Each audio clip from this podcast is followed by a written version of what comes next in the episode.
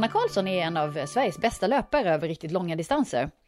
Trailrunningpodden träffade henne i ett snack om att springa Bergslagsleden för att boosta självförtroendet och eh, om hur det är att vara löpare i eh, Abisko. Anna Karlsson, välkommen till Trailrunningpodden. Ja, men tack! Hur mår du idag? Kul att vara här, eller vad man ska säga. ja, precis. Hur mår du?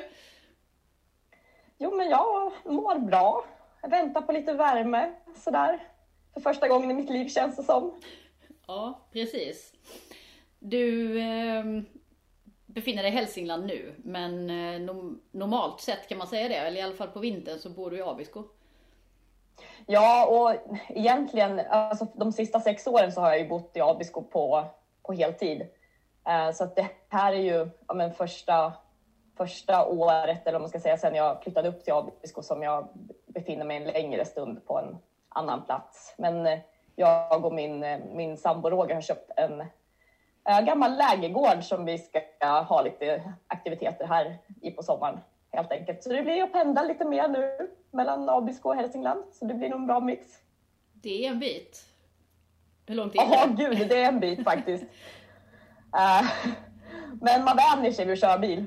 Ja, man gör det i Norrland. Ja, men som sagt, 110 mil är fortfarande en, en ganska liksom, rejäl distans. 20-30 mil nu för tiden tänker man, det åker man ju tur och retur på en dag. Liksom. Men ja, 110 är det lite längre. Ja. Men du, eh, hur hamnar du i Abisko? Det är en ganska ovanlig bostadsort för en löpare ändå. Ja, alltså sen var ju absolut, jag absolut inte löpare eller hade ju inga liksom, löparambitioner när jag flyttade upp till Abisko heller, utan jag bodde ju i och jobbade i Jämtlandsfjällen och tyckte om att vara ute, vara ute helt enkelt och sprang en del liksom, på fjället. Men åkte skidor på vintern och liksom gjorde, gick ut på tur och tältade och sånt där. Eh, så att jag flyttade upp till Abisko för att eh, börja jobba som guide. Så att jag körde lite ja, för att köra skoterturer, pimpelturer och ungefär samma som jag gör idag egentligen. Eh, och sen så har jag börjat springa mer sen jag flyttade upp till Abisko. Så att det var liksom inget, inget val för någon löparsatsning så, utan löparsatsningen, eller vad man ska nu kalla det, har ju kommit, kommit i efterhand. Hur, hur kom den sig då? Att du började springa? Ja, nej, men jag har väl alltid sprungit egentligen, eh, mer eller mindre. Men ganska ofta mindre eller liksom sådär som, ja, men som en så kallad vanlig människa eller vad man ska kalla det. Två, tre gånger i veckan och fem, åtta kilometer sådär. Ehm, sen så eh, hade jag väl någon form av sådär liten 25, 25-årskris. Så jag hade bestämt mig att jag skulle springa ett maraton. Um, och då började jag springa mer, helt enkelt för att liksom, träna inför det. Uh, och så upptäckte jag att jag tyckte nog att det var ganska roligt att springa ändå, um, när jag, ju mer jag sprang. Uh, så att jag fastnade ganska mycket för löpning. Men sen så hade jag flera år som jag var liksom skadad från och till och knappt kunde springa alls. Så när jag flyttade, jag bodde i Stockholm då, eh, så när jag flyttade till Åre eller Jämtlandsfjällen så, så sprang jag i princip inte alls och hade liksom inga tankar på att, på att jag skulle springa heller riktigt. Utan ja, det, det var liksom ett, ett förpassat kapitel lite grann. Um, sen så, ja, men så vandrade jag ganska mycket när jag liksom flyttade till fjällen och sen började kombinera det med, med att springa. Eh, och sen när jag jobbade på Sylarnas fjällstation så var springa det snabbaste transportmedlet. Det är 16 kilometer till närmsta väg, så att eh, för att ta sig någonstans så var det smidigast att springa helt enkelt. Um, och sen när jag flyttade upp till Abisko så fick jag höra talas om ett lopp som gick mellan Nikkaluokta och Abisko som var 107 kilometer. Så tänkte jag oj, det hade ju varit kul att testa. Uh, men uh, liksom, ja, så jag anmälde mig helt enkelt och hamnade på en reservlista och sen så helt plötsligt så fick jag en plats och hux flux höll jag på att säga så stod jag på startlinjen där. Det, um, ja. Jag hade sprungit liksom långt innan men mm. ja, inte så långt. Mm. 11 mil nästan, det är ju i fjällmiljö. Ju... Ja, nej, men det är ju en bit ändå. Ja. Det är ju, alltså, jag inser att det är en ganska rejäl första ultra, eller vad man ska säga. Även ja. om jag hade sprungit ultradistans kanske på egen hand mm. tidigare så är det ju ganska långt för vara första, första loppet.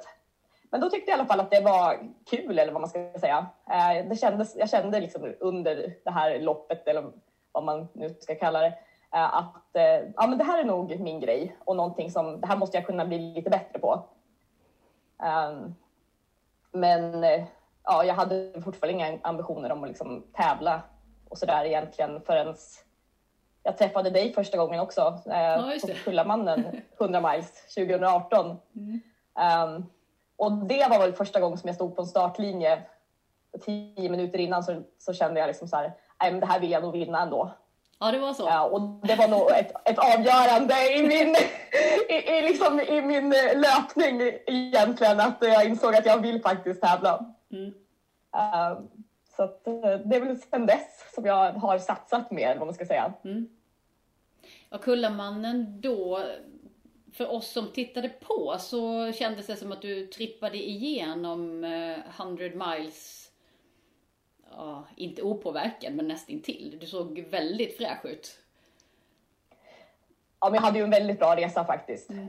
Um, li, lite nästan för, för bra höll jag på att säga. För att uh, jag hade ju föreställt mig att det skulle... Att, ja, jag hade ju massa skräckscenarier och liksom sådär. Så jag var ju ja, men väldigt förvånad över att det gick så pass pass smidigt som det gick. Och när det liksom, jag kommer ihåg de sista fem kilometrarna, då tyckte jag nästan att det var sorgligt att det skulle ta slut.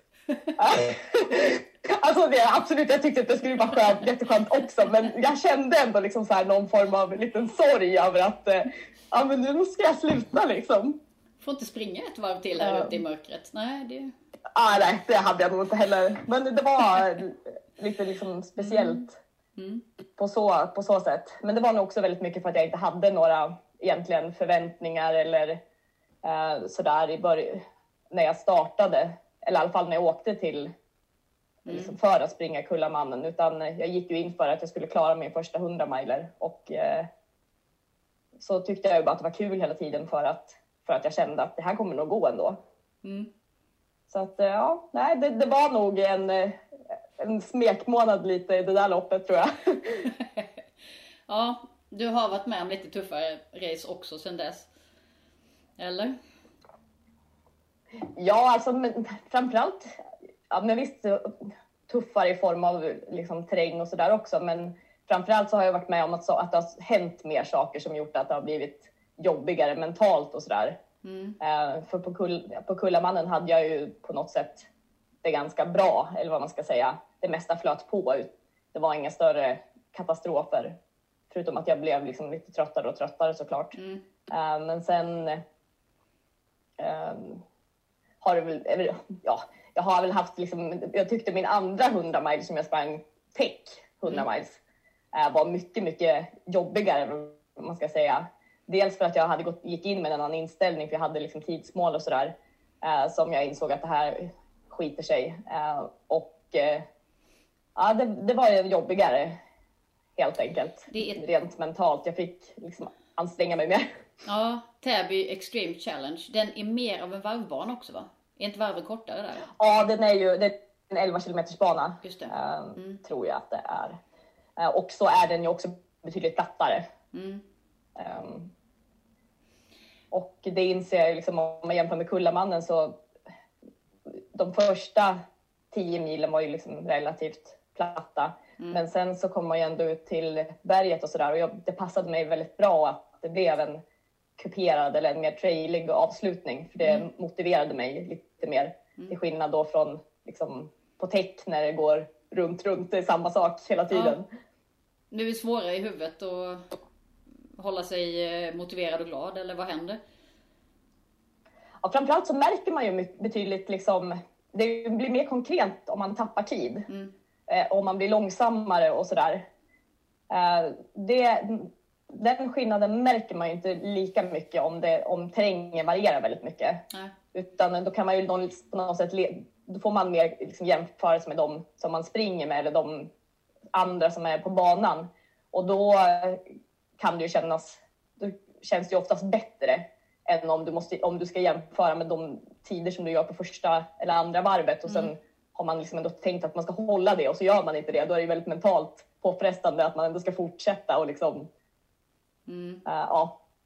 Och sen som sagt så tror jag också det att jag hade inbillat mig att 100 miles var så lätt. För att det, det gick så pass ändå lätt första gången. Mm. Uh, och sen fick jag liksom ett uppvaknande att nej, det var inte så lätt den här gången minsann.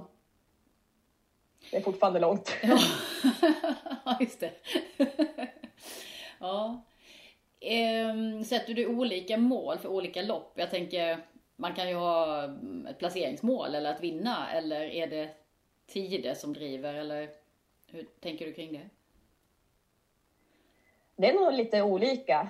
Eh, beroende på. Det är ju väldigt svårt att ha som mål. På ett sätt är det väldigt svårt att ha som mål att vinna. För att eh, oftast så har man ju en aning om, det beror ju helt på vilka andra som står på startlinjen mm. eh, faktiskt. Mm. Och, eh, så att jag har väl oftast egentligen som mål att det klyschiga att jag ska göra mitt bästa och försöka liksom ha ett, göra ett så jämnt lopp som möjligt och, och försöka ja, men ändå minimera misstagen eller vad man ska säga, minimera det som, sånt som kan gå fel med energi och liksom sådana saker. Um, och sen brukar jag väl mer börja fundera liksom på andra halvan av loppet vad, vad jag kan börja sikta på för tider och vad jag kan börja sikta på för placering. Mm. Um, men visst, jag har, har väl oftast uppskattat lite grann vad jag har tänkt för liksom sluttid och sådär. Men det är ju väldigt svårt med ett, till exempel ett trail-lopp när du inte har sprungit banan mm. tidigare och så, utan det är ju, det är ju en chansning och då får man ju titta på tidigare resultat som folk har sprungit på och så får man ju gissa. Men det är, jag tycker det är väldigt svårt. Ja. Jag, så att jag har oftast att jag ska göra ett bra lopp helt enkelt. Ja. Och när, när är du nöjd? När har du gjort ett bra lopp enligt dig själv? Uh, ja, men det är nog... Alltså det där är lite svårt. Ja. uh, jag är ju väldigt nöjd när... Alltså jag tycker om, jag tycker det är roligt att vinna. Då är jag, mm. Det är ju en faktor som kan göra att man blir nöjd. Sen kan det ju vara saker som man inte är nöjd med ändå under själva mm. loppet. Alltså även om man vinner så kan det ju vara liksom, kan man ju känna att jag, jag har gjort ett jättebra lopp. Uh, och det är ju, då är jag ändå inte nöjd med den delen. Mm. Ehm, men sen så kan jag ju vara nöjd även om jag inte vinner. Om jag känner liksom att jag har gjort det jag kunde för dagen och att jag har ändå liksom löst de problem som dök upp och, och liksom sådana saker. Um, sen kan jag vara nöjd också om jag har gjort ett skitlopp men ändå liksom tycker att jag har jobbat mig igenom med den liksom mentala inställningen och att jag liksom ändå har ja, men, eh, bitit ihop. Mm. Så det är lite olika saker beroende på. Jag brukar oftast försöka hitta någonting som jag är ändå ta med mig någonting som jag är nöjd med eh, från ett lopp. Men sen tar jag oftast med mig också saker som jag inte är nöjd med eller vad man ska säga lärdomar som jag vill mm. förbättra till nästa gång. Så att det, det är liksom oftast. Jag ser oftast på det ganska konstruktivt och nästan som en lista. Det här var bra, det här var, det här var dåligt mm. och det mm. finns alltid någonting ur, på, båda, på båda sidorna eller vad man ska säga har aldrig hittills känt att jag har gjort en perfekt prestation av vad det nu kan, vad det nu är liksom. Handlar det om um, beslut du tar under vägen? Um, att äta, inte äta, att uh, höja tempot, att välja att gå i en backe för sparkraft. Är det den typen av saker som också påverkar? Um, ja, men absolut. För sånt är ju ändå ganska Ja, men för sånt är ju ändå ganska viktigt i en, speciellt i en längre ultra, mm. att eh, det handlar ju ändå på något sätt om att lära sig hur man fungerar och att göra det bästa av de resurser man har och den kapacitet man har, höll jag på att säga. Mm. Um, och att få ut liksom det man är kapabel till. Så det tycker jag är en väldigt viktig del och liksom en sak som, um, som jag känner nog att det finns väldigt mycket utvecklingspotential i att, att springa klokare eller vad man ska säga, att göra mm. saker klokare. Och det tycker jag är en väldigt intressant aspekt av ultra också, en väldigt rolig grej eh, ändå. Det är ett evigt lärande egentligen, är det inte det?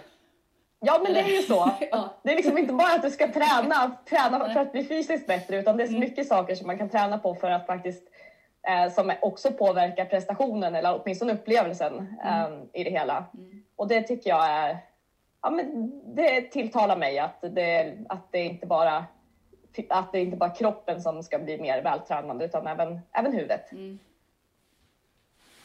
Ja. Kör du en inre dialog med dig själv? Bestämmer du liksom att jag behöver tänka det här i de här lägena? Eller förstår du, har du bestämt på förhand om saker du behöver säga till dig själv, påminna dig själv om eller peppa dig själv med? Jag har börjat med det mer, mm. ähm, att bestämma mig. För annars är det lätt att det blir att om, om det inte går riktigt, om det går tungt eller liksom är dåliga, under en dålig period på ett lopp, att man låter liksom negativa tankar ta över. Mm. Så då brukar jag faktiskt ha, ha liksom bestämt någonting innan som jag ska tänka. Eller att jag liksom helt enkelt bara ska lägga bort alla tankar och fokusera på att ta mig framåt och strunta i, i tid och klocka och liksom sådana saker. Utan ja, men, så länge det går framåt så är det bra liksom. Ändå. Ja. Nej men det är så. ja. Men ähm, är det svårt att veta hur man lägger till? Jag tänker om du springer ett äh, lopp som, äh, vad ska vi hitta på? ja, men ut i MB eller något där du springer liksom en väldigt lång sträcka, oländig terräng. Vet man vad man ligger på för placering och hur långt det är fram och bak? Och... Alltså jag är ju fortfarande väldigt ny, mm. äh, måste jag ju säga. Så att jag har ju inte liksom sprungit så många, många stora lopp, men jag tycker nog att hittills så, äh, till exempel när jag sprang TDS så blev jag bra informerad, men jag så, har också sagt till exempel med Roger som ofta varit med att jag vill mm. inte veta någonting förrän andra halvan för det, det, spelar ingen roll innan dess. Uh, och jag vill inte bli stressad eller påverkad av det utan jag, det, för min del så är det liksom, det spelar ingen roll för jag, jag kommer göra mitt bästa första halvan såklart. Uh, och sen så får man liksom börja tänka lite mer strategiskt mm. efter det beroende på var, vart man ligger någonstans och om det handlar om um, om en placering. För där kan det ju till exempel vara om man ska tänka tid eller placering. Mm. Uh, som jag tänker liksom på ett, ett, ett, större internationellt lopp. Då är, då är ju ändå fokus en så hög placering som möjligt framför en, en viss tid. Mm. Så då är det kanske bättre ibland att räva lite grann om man liksom ligger mellan tredje och fjärde, alltså eller fem, fjärde, femte platsen eller liksom mm. så, i och med att det faktiskt är placeringen och inte minuterna som räknas. Mm uh, i slutändan. Ja, så att där tänker jag nog att det, man, får, man får vara lite taktiker också. Mm. Mm. Ja, du, eh, om vi eh, återvänder till eh, Abisko och träning ett tag. Hur, eh, du springer hela vintern? Ja. ja. På väg och skoterspår ja, eller? eller springer. Lufsar. Ja. Du, eh, men eh, åker du skidor och så också eller? Det är många löpare som gör det. Ja, en del. Mm. Uh, när jag flyttade upp till Abisko så sprang jag i princip ingenting på vintern. Då, kanske jag, då hade jag väl bestämt mig att jag skulle springa liksom två gånger i veckan, kanske tre gånger i veckan. Uh, och det räckte med typ en halvtimme, 45 minuter. Och sen åkte jag skidor uh, resten. Mm. Gick mycket på tur, på tur och sådär. nu sista tre åren så har jag sprungit betydligt mer än vad jag åkt skidor. Mm. För att jag helt enkelt jag får ut mer träningsmässigt av att springa för att jag är för dålig på att åka skidor. Okay, ja. ja. Jag tänker, mm, för mig är snölöpning förknippat med eh, att man måste ha väldigt mycket tålamod. Eh, för jag, jag, kan tycka att det, jag, jag, blir väldigt frustrerad när jag springer i snö ofta. För att jag tycker det är ett halvt steg tillbaka hela tiden. Och eh, jag vet inte, jag, jag har svårt själv att se att jag skulle palla en hel vinter på skoterspår. Ja, nej, men det är ju väldigt segt ibland, ja. äh, måste jag ju säga. Ibland känns det ju som att man liksom, som sagt, man är mer ute och går nästan ja. än vad jag är ute och springer. Mm. Äh, och det är ju faktiskt en, en, grej som är väldigt liksom, det är lite knäckande faktiskt ibland. Mm. Ja, äh, det håller jag liksom fullkomligt med om. Eller att man är ute flera timmar och man liksom tittar på kilometrarna och bara nej. och så tänker man liksom att jag, jag har ändå, jag vill ha det här, de här antalen kilometer ungefär som en bas. Liksom. De här mm. milen brukar jag göra på en vecka. Och sen så helt plötsligt så kommer vintern och sen lägger man fortfarande ner lika mycket timmar men får inte alls ihop det, det, den, det antal mil som, eller höjdmeter eller vad man nu är ute efter mm. som, som man brukar få ihop. Så det är faktiskt jättejobbigt. Mm. Men det är ju, alltså, um, ansträngningen är ju på något sätt densamma. Så att, uh, kanske får räkna timmar på vintern istället. Ja. Eller något. Men Ja. Nackdelen är ju med vinterlöpning, eh, om man som jag i princip nästan bara springer på skoterspår och så, mm. Är ju att du tappar ju väldigt mycket löpsteg. För att du, du springer ju väldigt mycket på kraft. Ja. Uh, så du, du, du, får ju liksom absolut inte till något flyt eller liksom frånskjut eller liksom någonting sånt. Så att det, det är faktiskt en, lite destroyer också kan mm. man säga. Um, på ett sätt. Mm. Men eh, det ofta så brukar det ordna till sig när man har sprungit barmark ja, men tre, fyra veckor i alla fall. Ja. Men det brukar ta en stund innan, innan, det, blir, innan det känns bra att springa igen. Tycker jag. ja, precis. Behöver hitta tillbaks lite till eh, koordinationen och jobba med andra muskler och sådär. Ja, men precis. Mm. Men jag tänker mig bara så här att det kanske är en styrka i din ultralöpning ändå. Att du får vara där ute och gno i... alltså, jag tänker bara att jag har aldrig sprungit så lång ultralopp men eh, man behöver mycket av det där. Det där ehm, att orka fortsätta fast det är för jävligt. För det måste det väl vara nästan varje gång, någon gång under ett lopp. Ja, nej men så, så är det ju faktiskt. Uh, nej, men jag tror absolut att jag, att jag gynnas av det på, mm. på, på, flera sätt också. Så att det finns ju fördelar och, uh, och nackdelar med allting. Men jag tror definitivt att man, liksom, att, att man i längre ultralöpning, framförallt i, i liksom olika typer av terräng, gynnas av att uh, träna när det är lite obekvämt och lite tråkigt och mm. inte mm. kanske väderförhållandena inte är det bästa och sådär. För då har man ett, som ett bredare spann också om det, när, det blir, när det är ett lopp. Mm. För oftast när man springer ett lopp så är det ju faktiskt inte heller liksom perfekta förutsättningar. Det kanske inte är perfekt underlag. Eller det, om ofta som sagt så kanske man inte kommer framåt så fort man har tänkt sig heller. Och det är, är ju bra att träna på, att kan, på träning också.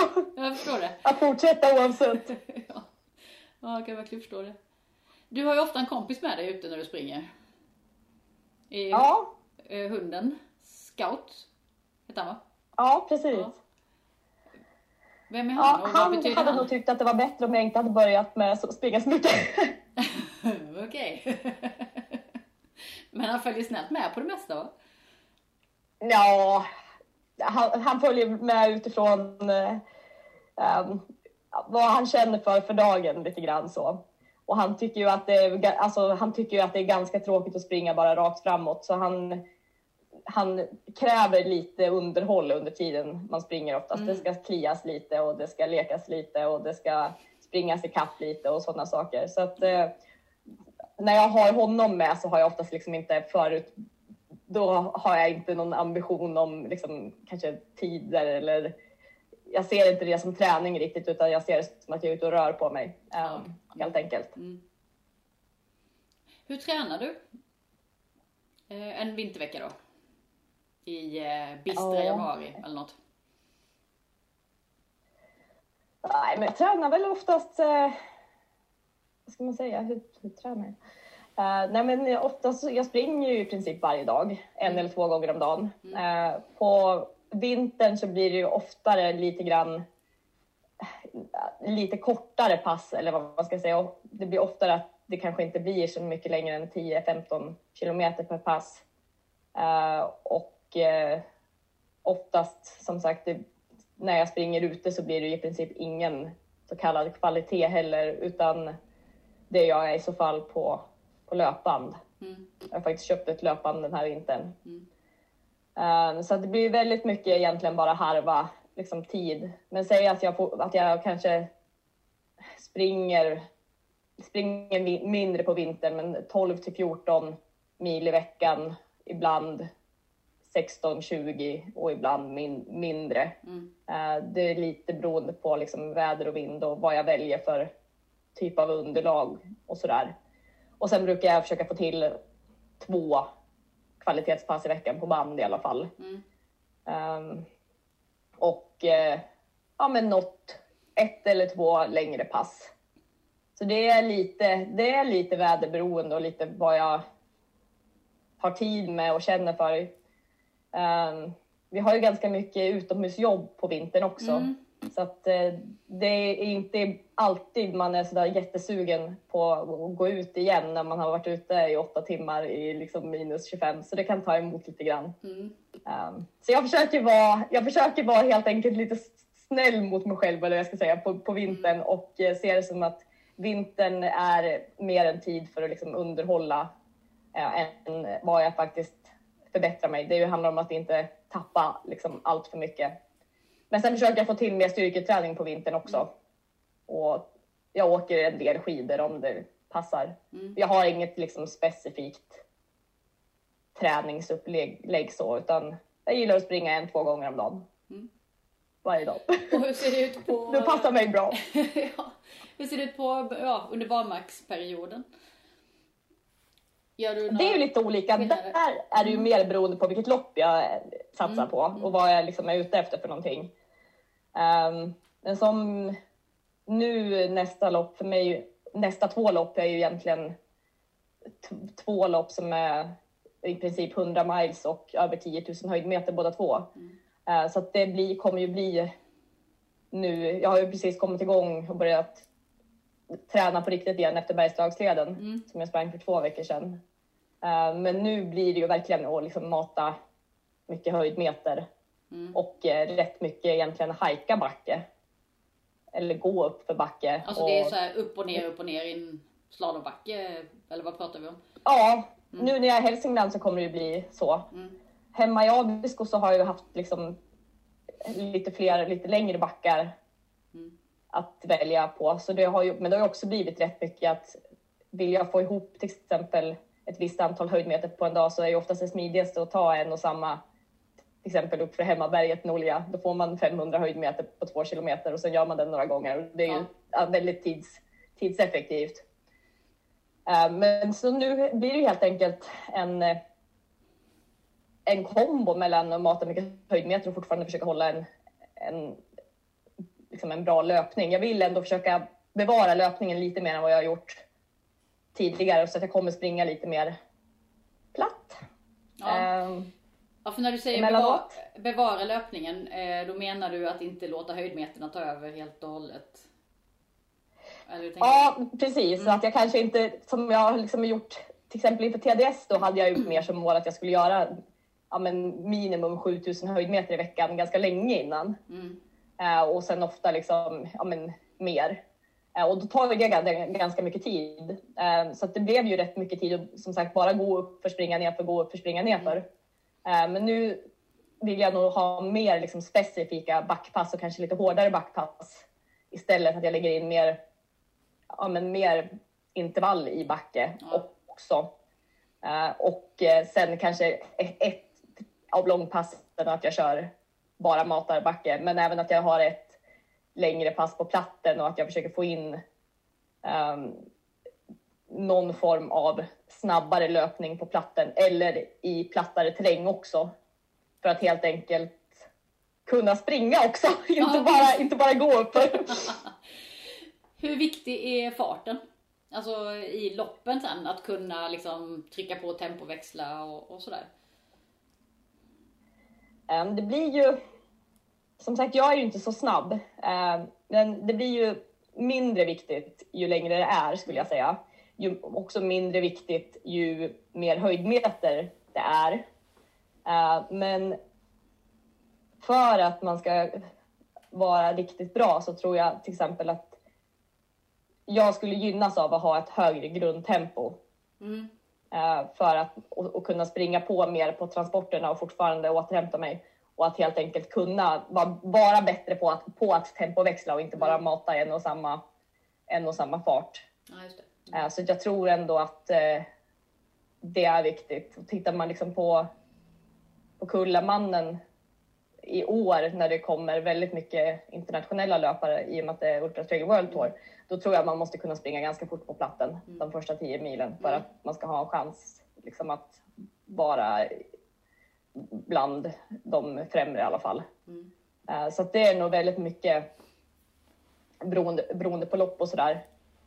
Men till exempel, jag sprang ju fjällmaran 100 i, i somras. Just. Mm. Eh, och, eller 100 kilometer. Och där skulle jag definitivt behövt vara lite snabbare om jag skulle, Ja. om, om, det, skulle, om det skulle vara riktigt bra liksom. Mm. Ja, jag förstår. Det är alltid skönt att det finns något att jobba på. Ja, gud, det finns så mycket att jobba på. Det är det som är problemet och så vill man jobba på allting samtidigt. Ja. Och det är som det som, är, som jag hör när jag säger också, det är, så, det är inte lätt att få in alla de där passen Nej. på en vecka. För, för man vill ju jobba specifikt med allt och det går ju inte riktigt. Så man måste ju faktiskt lägga upp det där i perioder och Ja. prioritera vad man, vad man vill jobba med också. Ja, exakt. Det, jag tänkte på det där med skador och hålla sig hel och frisk. Mm. Vad har du för eh, erfarenhet och tankar där? Är det svårt? För min del så är det ju faktiskt att jag har ju tenderat att bli mest, liksom, få mest problem när jag springer platt mycket. Mm.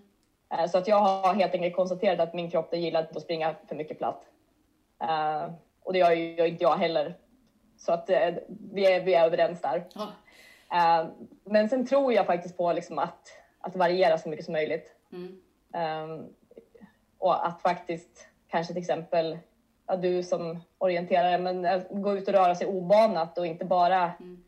eh, springa liksom monotont i elljusspår eller på liksom enklare stigar också, utan faktiskt ibland lämna alla stigar och bara röra sig. Och det behöver inte vara löpning. Det kan vara att man är ute och, och liksom går under, under perioder också. Ehm, så det tror jag definitivt är en, en bra grej. För det tränar ju upp både koordination och fotstyrka och liksom hela, hela kroppen eller vad man ska säga. Men som sen, sen som sagt att variera sig och, och att faktiskt respektera det här med att om man har gjort en större utmaning att det tar lite tid att man, innan man kan komma tillbaka i ordentlig träning igen.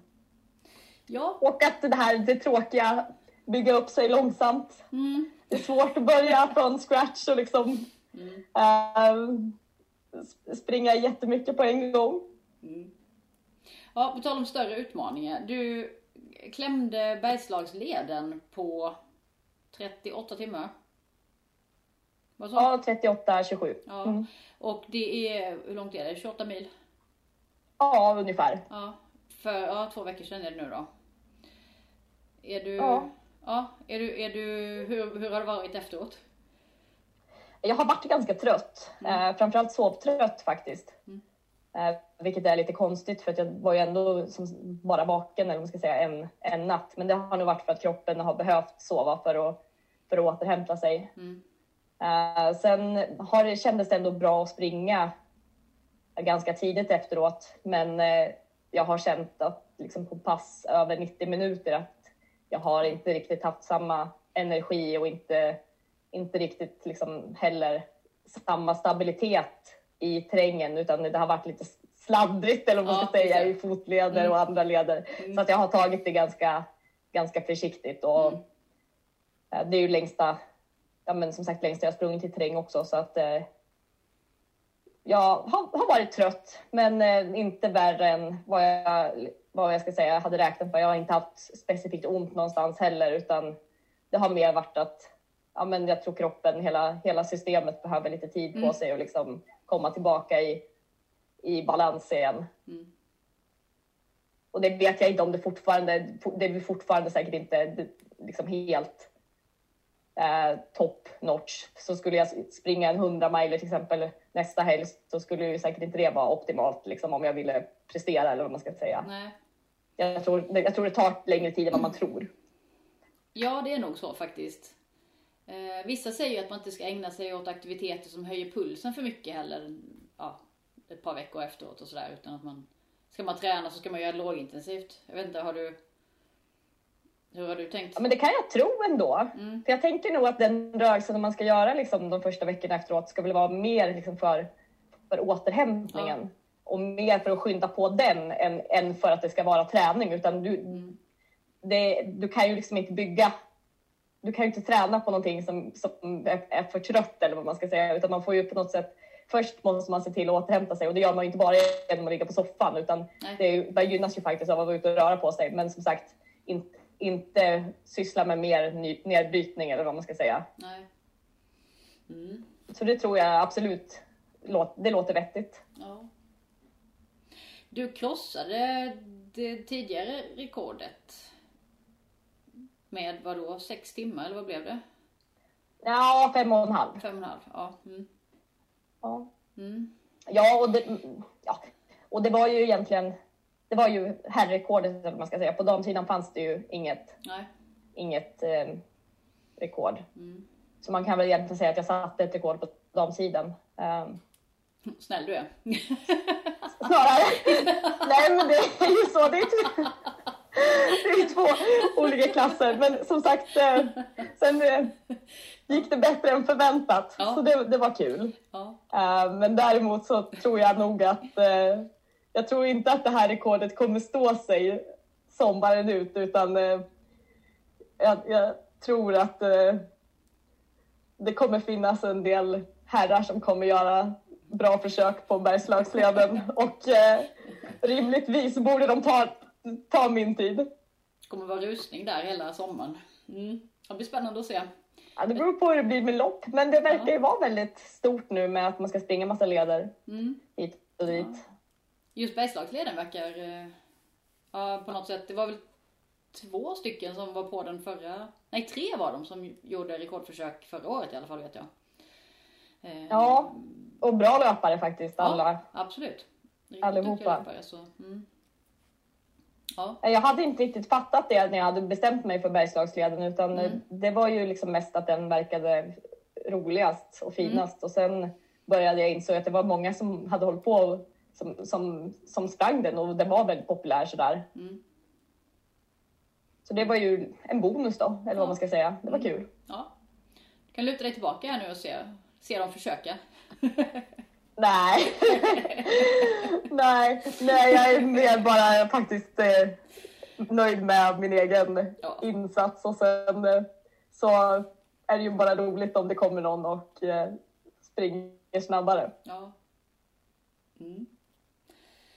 Du, då när vi snackade efter att du hade sprungit så alltså, sa du att ja, men det är viktigt att göra såna här grejer ibland för att påminna sig själv om att man kan. Mm. Utveckla det. Jag tycker det, jag tycker det är ett intressant resonemang. Eh, och jag tror jag förstår hur du menar, men berätta gärna. Nej, men framförallt kanske om man som jag tränar ensam väldigt mycket. Eh, då tenderar åtminstone jag väldigt ofta att bara se till saker som jag inte tycker går bra och att jag aldrig känner, jag känner mig väldigt sällan i form och liksom så här. Så jag känner mig faktiskt oftast väldigt, eh, väldigt tveksam om min egen kapacitet. Mm. Och eh, då är det på något sätt bra att få liksom, en konkret utmaning och någonting som man går all in för och faktiskt se att ja, men, det gick inte så himla dåligt. Även om jag känner att jag är dålig så eh, på pappret så, så är det inte så dåligt. Eh, och eh, sen tror jag att det är bra att påminna sig också om men, det här med loppspecifika, att känslan av att man faktiskt pressar sig mer kanske än vad man gör på träning och framförallt under en längre tid och sådär. För det är inte lika lätt att gå ut på ett vanligt träningspass och tänka att nu ska jag springa 12 mil eller vad man ska säga och göra det i ett bra tempo utan nej, det är nog bra att få mer konkreta utmaningar. Men för min del så behöver jag det för, för självförtroendet helt enkelt. För att känna att jag liksom kan. Eh, speciellt så, där, så här nu liksom, i början av en säsong när jag inte har gjort någonting känns det som på länge och kommer från en vinter på skoterspåren och, och så. Så nu känns det skönt att känna att ja, men okej. ehm, ja, jag är absolut inte i toppform, men jag är i alla fall in, alltså, det finns i alla fall en bra bas att jobba på. Mm. Så nu känns det som att jag är igång i alla fall, mer. Eller vad man ska kalla det. Ja, precis. Har du saknat tävlandet? Under, jag menar, förra året blev det inte så jättemycket för någon heller. Ja, men förra året tyckte jag att det var väldigt tråkigt att det inte blev någonting. Mm. Ehm, faktiskt. Och sen eh, nu under vintern har jag inte jag har ju aldrig i princip tävlat under vintern Nej, så det har det jag inte tänkt det. så mycket Mm. på utan det har varit normaltillstånd för mig. Ehm, men däremot så är jag ju sugen på att tävla nu. Så jag hoppas ju verkligen att det blir en, en någon form av tävlingssäsong och så. Um, sen är ju som sagt, jag har ju inte hållit på så länge så att jag är ju inte liksom. Jag, jag har ju verkligen inte sprungit lopp så många år så jag, det är ingenting som jag har vant mig vid, speciellt inte eftersom förra året Nej. inte blev nästan någonting. Så att eh, det är för min del så är det också väldigt mycket, det är lite skräckblandad förtjusning också. Jag gruvar mig ganska mycket inför lopp så det, på ett sätt så är det skönt att inte springa några, men tråkigt. ja, det är så. Är det lite um, ångestladdat eller hur, hur känns det inför en tävling? Ja, herregud. Uh, nu, ja, vi får se hur det känns i år förresten. Uh, nej, men alltså inför liksom TDS och Kullamannen och sånt som jag ändå tyckt så här, det här är viktigt och det har känts långt. Då har jag varit nervös alltså flera månader i förväg och egentligen inte och bara känt att jag vill inte springa. Mm. Uh, och och uh, jag tycker att det är jättejobbigt dagarna innan och liksom sådana saker. Men uh, nu, ja, jag hoppas att det kommer bli lite bättre. Jag tror att det är en, det är en övningssak också. Är det, alltså, vad är du nervös för? Vet du det? Nej, nej, men det är nog mer liksom att Nej, jag vet egentligen inte vad jag är nervös för. Att det, någonting ska gå åt helvete eller att eh, det inte ska gå bra och att eh, ja, mm. det finns så mycket saker som man kan vara nervös över. Nej, men jag vet inte riktigt vad jag är nervös över egentligen. Nej. Att det, jag tror det här jämförande grejen, det gillar jag inte. Jag, den är jag nervös över. Mm. Att bli jämförd med andra och jämföra mig själv med andra och sådär. Mm. Det tycker jag är lite jobbigt. Mm. Mm. Vad är din häftigaste löparupplevelse så här långt? Oj. Um, det var nog faktiskt häftigaste i form av liksom att det kändes bra och var roligt. Det var det nog faktiskt Kullamannen 2018 mm. när det var första 100 mil, milesen och det kändes också på något sätt som att ja, men jag hade liksom ändå haft flera år, så många år med skador och som jag inte kunde springa och sådär. Så att det var på något sätt som att okej, okay, nu börjar jag om på liksom nytt igen. Så det var häftigt mentalt. Sen finaste banan som är ju absolut TDS. Mm. Ett av UTMB-loppen nere vid... Uh, ja, men precis. Ja, vid Mont Blanc egentligen va? Mm. Ja. Mm. Men sen generellt sett så måste jag säga att uh, jag just liksom loppmässigt så jag tycker nog inte att jag att jag minns oftast inte så mycket av loppen. Nej, okay. På något sätt. Ja. Det, det är som det flyter mest ihop. Så att jag, mina häftigaste löpupplevelser har faktiskt varit på träning när jag varit ute på fjället själv och liksom mm. tagit mig tid att stanna upp på ett annat sätt. Mm. Sådär. Så det beror helt på vad man menar med häftigt sådär. Mm. Är det skillnad? Hur, hur är, upplever du ett lopp som eh, TDS då under UTMBs eh, flagg jämfört med det svenska lopp? Du är ju på. Alltså, eh, ja, men som Kullamannen är ju ett stort lopp till exempel. Eh, men om man jämför till exempel med Swedish Alpine så är det som ja, det första loppet som jag sprang, jag sprungit flera gånger, mm. så är det bara 50 personer och det är liksom osupportat i, i nästan 11 mil. Mm. Och du är, det, du är i princip ens, springer ensam hela tiden. Uh, så det är ju en, en, stor skillnad att kanske en del svenska lopp är ju mindre så att du får mer tid ensam. Mm. Eller vad man ska säga.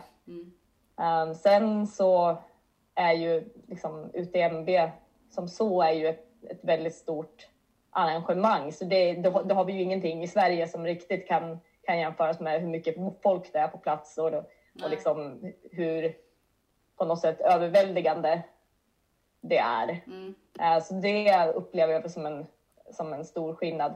Men uh, jag tänker nog i, om man ska säga organisationsmässigt så upplever jag att svenska lopp är, jag var inte superimpad av organisationen på TDS till exempel. Okay. Mm. Då tycker jag nog att Kullamannen har en betydligt bättre mm. organisation mm. och även många liksom mindre lopp mm. i Sverige. Mm. Ja, det är intressant. Ja. Vad, händer det här året nu då? Du nämnde två lopp med eh, 10 000 höjdmeter. Var tänker du springa dem? Eh, Det första är Valderan som fortfarande verkar vara som att det kommer, faktiskt kommer gå och det är i början på juli. Eh, Och det Spanien. går i Spanien. Just det. Mm. Och sen så är det ju UTMB ehm, i slutet på augusti. Så att det är väl de liksom, mina stora mål, eller vad man ska säga, största mål för året. Och sen eventuellt att jag klämmer in fjällmaran 100 däremellan. Och sen eh, så får vi se. Det lutar, åt, att- det lutar starkt åt att det blir Kullamannen i, i november. Mm.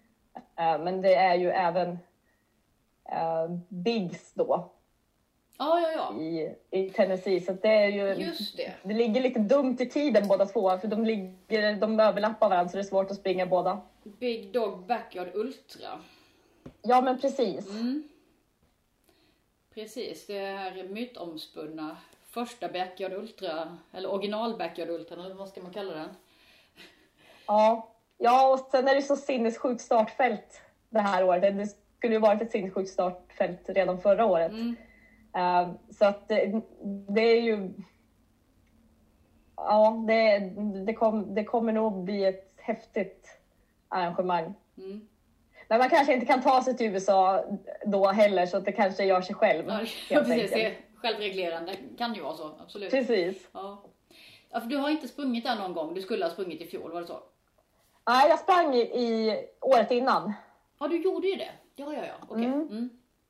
Ehm, och, Mm. eh, så jag vill nog gärna, jag hade gärna sprungit Mm. igen. Jag har sagt att ska jag springa, ska jag springa fler backyards så blir det där. Ehm, helt enkelt. Mm. Men vi får se, det är långt till november. Så Ja, det kan hända. det där är det svåra att välja.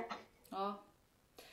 Ja, det här med backyard har vi inte pratat om, men eh, du eh, fick ju ett rejält eh, genomslag med den här grejen du gjorde förra vintern, eller våren var det kanske, där du sprang uppe på isen på sjön hemma i Abisko.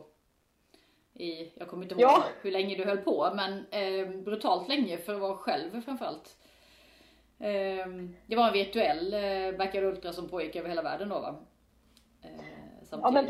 precis. Och, och det var ju lite häftigt för att det var faktiskt väldigt många som, eller i och med att alla faktiskt sprang på olika platser och vissa ändå sprang hemma i sitt vardagsrum och Mm. att det var ju väldigt liksom, olika banor. Så det var ju, jag tror att det var det som gjorde att det blev en så stor grej av det. Och sen så var det ju under en tid som väldigt många faktiskt satt konkret i karantän. Det gjorde ju inte vi i Sverige på samma Nej. sätt. Eh, men eh, det är väldigt många andra länder så fick de ju i princip inte gå ut. Nej. Um, nej, och jag och eh, Roger har, ju- hade ju pratat innan om att det hade varit eh, roligt att ha en backyard på Torneträsk på isen. Mm. Eh, så då tänkte vi faktiskt att ja, men det är ju kul att faktiskt testa och se om det ens funkar. Liksom. Så att han var ju ute och plogade upp banan först med traktor och fick ploga upp den några gånger för den blåste igen.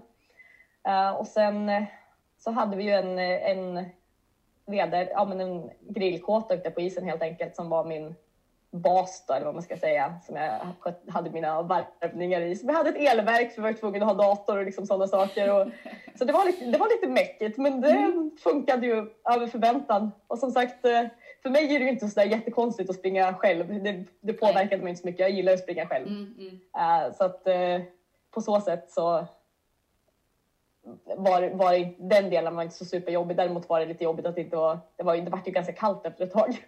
Ja, vilken tid på året var det egentligen? Det var ju början på april, eh, så, så dagarna men var, var- ganska bra. Mm. Men vi hade ju ja, men, minus 15, minus 17 på eh, med båda nätterna. Mm. Så det är inte superkallt, men problemet är ju liksom när man går in och ut. Mm. Eh, vilket man gör under en backyard och sitter stilla. Du, Först så går man ut och sen så springer man en stund och så får man typ is på kläderna och sen kommer man in Så och så smälter allt det där och man är blöt. Och sen måste man, sen man, går man ut liksom, ska man börja om och då på något sätt Ja. då blir man ju, det, det blir väldigt konstigt med, med temperaturen Mm. efter ett tag. Ja, jag förstår. Men hur länge höll du på? 45 timmar. Ja. Sju kilometer eh, gånger 45 Ja. varv. Eller Så 44. 6,7 då, eller kilometer 6,7, per. Ja, precis. Mm. Så ja, men drygt 30 mil. Mm. Men, Det här med backyard, ehm, man springer samma varv så länge man eh, överhuvudtaget kan. Innan man tvingas ge sig och inte orkar ta sig till eh, start varje hel timme igen. Eh, ja, men precis. Blir det inte tråkigt? antingen att man inte vill springa mer eller att man inte hinner springa. Nej, precis. Hinner Antingen- runt ett varv. Antingen det ena eller det andra ja. Eh, jag vet inte men jag, är det inte tråkigt att springa samma varv? I flera Ja, det är dygn? jättetråkigt. Ja det är det. Mm. Jag, Ja, men det, Just det är ju supertråkigt. ja. Vad är det som eh, gör att det ändå funkar? då? Jag tror nog att, eh, jag, jag har ju sagt, alltså, jag tycker ju, jag tyckte från början verkligen inte om backyard. Eh, eller jag har inte sprungit så många heller, men jag har börjat ändå liksom på något sätt uppskatta konceptet mer och mer. Eh, och det är nog just den mentala delen i det hela. Att, eh, eh, jag, jag ser utvecklingspotential i att lära mig att ha tråkigt. Ah, okej. Och sen är det ju väldigt bra för att du, man kan även liksom vä- väldigt lätt träna på energiintag och sådana saker. Så att för min del så ser jag det som att det är liksom ett, en jättebra träning inför andra typer av lopp också och en väldigt bra mental träning. Så jag tycker att det, är- det är den delen som är rolig, med, eller vad man ska säga. Och sen är det ju ganska skönt för att man slipper ju, man slipper ju stressa. Du är liksom inte så här, när starten går så det är inte så här att alla springer iväg det spelar ingen roll vad som händer liksom första varven egentligen för att det kommer ju pågå hur länge som helst. Och du, det spelar ingen roll om du springer fort ett varv och är först för du kommer fortfarande, alla startar ju fortfarande samtidigt nästa varv. Så jag det tycker jag är ett, som ett, ja, jag tycker att det börjar bli en ganska trevlig grej. Ja. Jag kan inbilla mig, fråga mig under en backyard så, kommer jag, så, så, så tycker jag inte samma sak. Nej, jag förstår. Ja. Mm. Jag, jag kan förstå delvis, fast eh, det är det här med att vara orienterad. Vet du, man är lite, man är lite för bortskämd med att hela tiden se nya saker, så det blir lite... Jag vet inte om jag... Ja, men jag förstår dig He, helt och fullt. Men Det det är är, ju... lite, lite IQ-befriat får man ju på ett sätt säga. Ja. ja. Men blir det en sommar i Hälsingland eller, eh, och eller i Abisko, eller hur ser den planen ut? Det blir lite båda. Det blir ganska mycket Hälsingland för att det behövs renoveras ganska mycket på den, den gård som vi har köpt.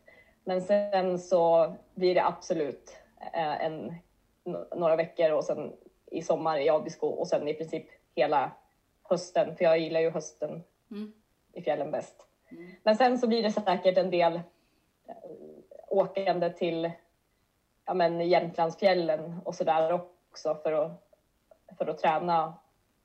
Eller ja, för att få liksom lite mer fjäll också. Mm. Så vi får se hur det här kommer funka. Jag har lite, vet det, lite ångest nästan för att vi inte ska vara i Abisko hela sommaren. Ja, det men det blir nog bra. Ja. Vad har ni för... Inte just nu när de fortfarande springer på skoterspår, men, men om någon månad sådär. Mm. Vad har du för terräng eh, hemma nu utanför knuten då i eh, Hälsingland? Eh, ja, men våran, våran gård är ju mitt på Ljusnanleden, eh, så att jag har ju bra, vad man ska säga, trail pre- precis utanför. Eh, sen är det ju inte liksom, så det är ju ja, men, faktiskt ganska teknisk skog. Mm. Och sen en hel del grusvägar. Ja. Eh, och sen har jag ju Järvsö som inte är så långt bort och sådär också om man vill mata mer, mer höjdmeter och, och liksom så.